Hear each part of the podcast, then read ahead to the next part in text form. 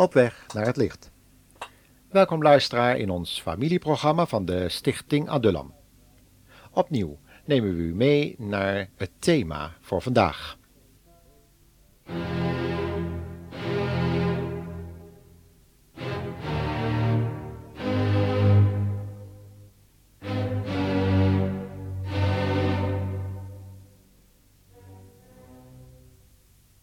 Thema niet alleen leven na de dood, maar met als titel voor vanavond Christus, onze hoop.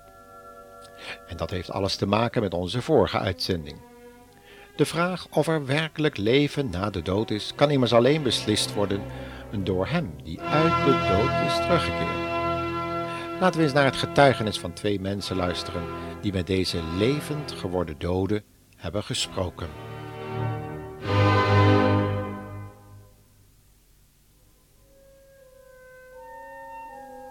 Het was warm in de hete middagzon.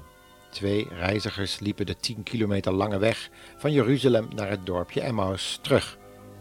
Hun gezichten stonden droevig, want ze hadden ernstige en verdrietige dingen te bespreken.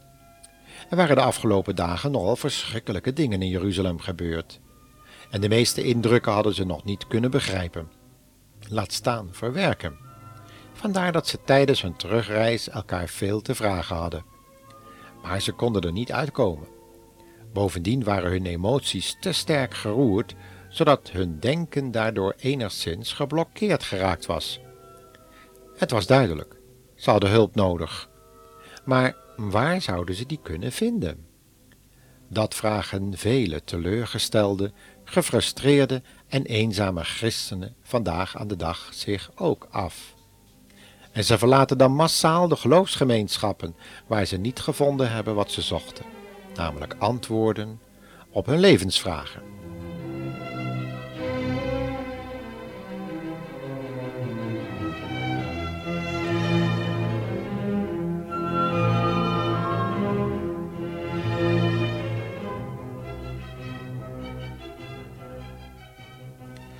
Vandaag willen we een nieuwe serie overdenkingen doorgeven die te maken hebben met ons christelijke emotionele leven. Ook christenen hebben hun verdrietige en teleurstellende ervaringen, precies zoals niet-christenen die hebben.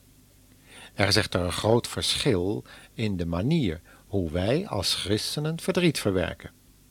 Deze serie Bijbelstudies wil aantonen hoe dit verwerkingsproces eruit zou kunnen zien. Tenminste, wanneer we de lessen tot ons willen nemen die God aanreikt in zijn onfeilbaar en troostend woord.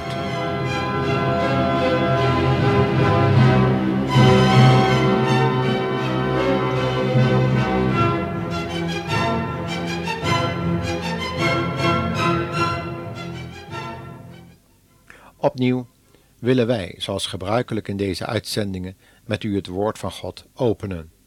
Nu bij de bekende passage uit Lucas 24, vers 13 tot 53, waarvan we vers 13 tot en met 16 samen lezen. Doet u weer mee?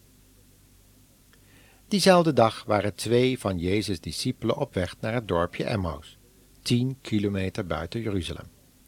Ze spraken met elkaar over alle gebeurtenissen. Terwijl ze zo liepen te praten, haalde iemand hen in en liep met hen mee. Dat was Jezus zelf maar ze herkenden hem niet, want ze waren verblind.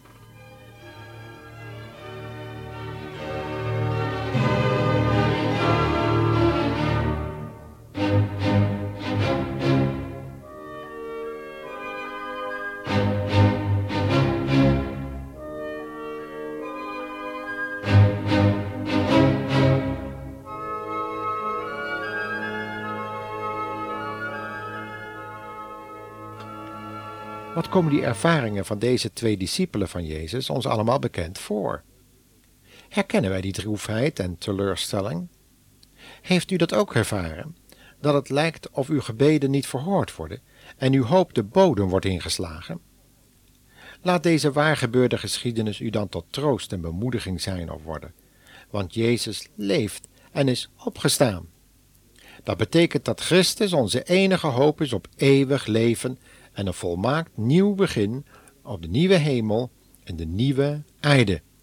En is tevens een antwoord voor De grote vraag van deze serie programma's is er leven na de dood?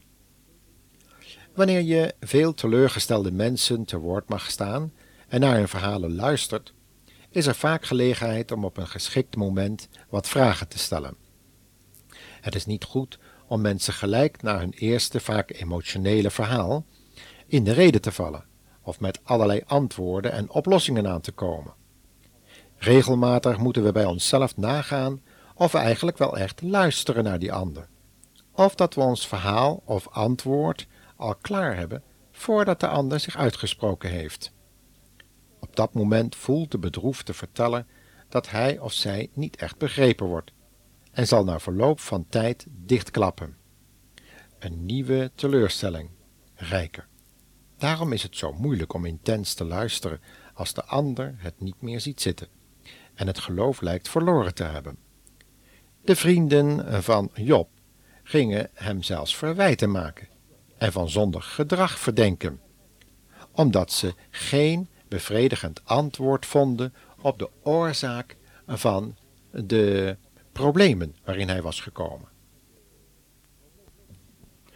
Omdat we graag het doel en de zin van het lijden in ons leven willen leren begrijpen, laat ik u alvast dat doel zien in Lucas 24, vers 50 tot 54, zodat ook uw hoop verlevendigd wordt. Toen nam Jezus hen mee naar Betanië. Hij hief zijn handen op en zegende hem. Terwijl hij dat deed, werd hij opgenomen in de hemel. Zij vielen in aanbidding voor hem neer. Daarna gingen ze met grote vreugde naar Jeruzalem en bleven voortdurend in de tempel om God te loven, te eren en te danken.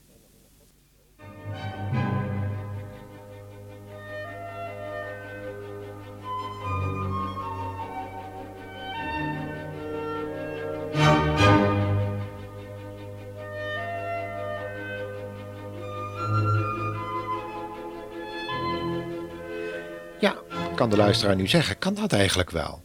God aanbidden en dank zeggen als je pijn hebt en zojuist in de grootste smart bent terechtgekomen? Gods woord geeft altijd een bevestigend antwoord op zo'n vraag. Toen de psalmist Asaf in zijn 73ste psalm zijn onvrede over de voorspoed van goddeloze mensen uitsprak, nam God hem mee naar de tempel, zoals de discipelen uit eigen beweging deden, en liet toen alles vanuit de hemel zien. Lees die psalm maar eens dan zult u begrijpen wat ik bedoel. Toen zag Asaf zichzelf in het licht van Gods heiligheid, geduld en liefde. En hij zag ook het einde van alle mensen die God niet nodig denken te hebben. Wat kunnen er tijden van teleurstellende ervaringen in het leven van een christen komen? En wat een boosheid kan er dan naar boven komen? Drift, ongeduld, en zelfs opstand tegen God zelf kunnen zichtbaar worden, zodat het menselijk hart als een poel van goddeloosheid gaat stinken. En dan is het geen vraag meer of het waar is wat Paulus in Romeinen 3 vers 10 schreef. Er is niemand rechtvaardig, niet één. Er is niemand die verstandig is, niemand die God ernstig zoekt. Allen zijn zij afgeweken en samen zijn de mensen onnuttig geworden. Er is niemand die goed doet, niet één harde woorden, maar die bevestigd worden door de wijze spreukendichter, die al gezegd had: Er is niemand die goed doet en niet zondigt. Maar laten we nu eens kijken welke lessen we uit de gesprekken tussen die discipelen en de Heer Jezus kunnen leren.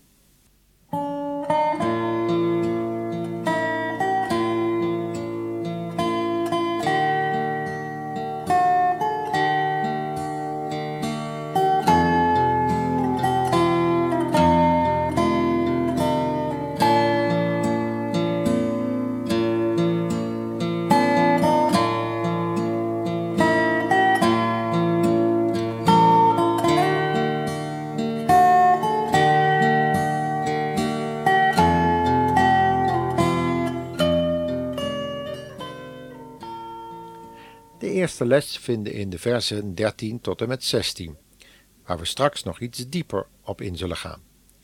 De les van spreken over feiten, niet over gevoelens. Maar de tweede les vinden we al in versen 17 tot 20, waarin we merken dat Jezus inderdaad ook profeet is, krachtig in werken en woorden. Daarna vinden we in vers 21 de derde les, die handelt over de christelijke hoop op een betere toekomst. Een toekomst die onder leiding staat van de opgestane Heer en Heiland, Jezus Christus.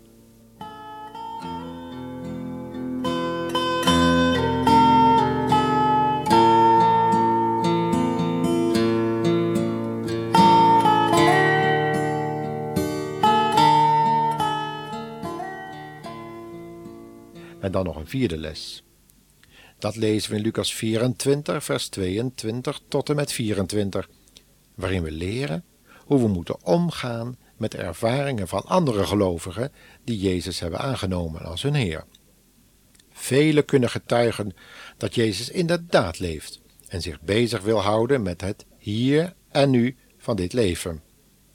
Het is de moeite waard om naar hun getuigenissen te luisteren, zodat we stap voor stap dichter bij Jezus aankomen en met meer vrijmoedigheid Hem durven aanspreken. De vijfde les krijgen we in vers 25 en 26, waarin we leren luisteren naar de correcties vanuit het woord van God, correcties die de Heilige Geest wil aanbrengen in ons denken, wat vaak gevormd is, bijna altijd natuurlijk, door de informatie van de mensen om ons heen. Dat is belangrijk om op de weg van Jezus te blijven, zodat we niet verdwalen in de vele wegen die de wereldreligies aanprijzen. In vers 27 vinden we de zesde les. Die handelt over de oud-testamentische profetieën, die verwezen naar het leven en sterven van de beloofde Messias, de gezalfde van God, de eeuwige koning. En dat tenslotte de zevende les, die in vers 29 staat, waar we leren dat we de Heer Jezus mogen uitnodigen in ons privéleven, om Hem Heer te laten zijn. Gevolg is dat we van verdrietige, moedeloze mensen, die teleurgesteld op weg waren naar een toekomst zonder hoop, blijde mensen kunnen worden, vol hoop en geestelijke veerkracht. We worden dan dankbare aanbidders van de levende, opgestane Heer. Kent u deze Jezus reeds, als degene die de dood van zijn kracht heeft ontroofd? Of bent u nog in uw zonde, in onzekerheid over de toekomst, angstig wachtend over de dingen die gebeuren gaan, met de vraag: is er leven na de dood? Dan kunt u vandaag nog daar zekerheid over krijgen behouden worden, zoals de Bijbel dat zegt, losgemaakt van de vrees, omdat Jezus ook u lief heeft en wil redden.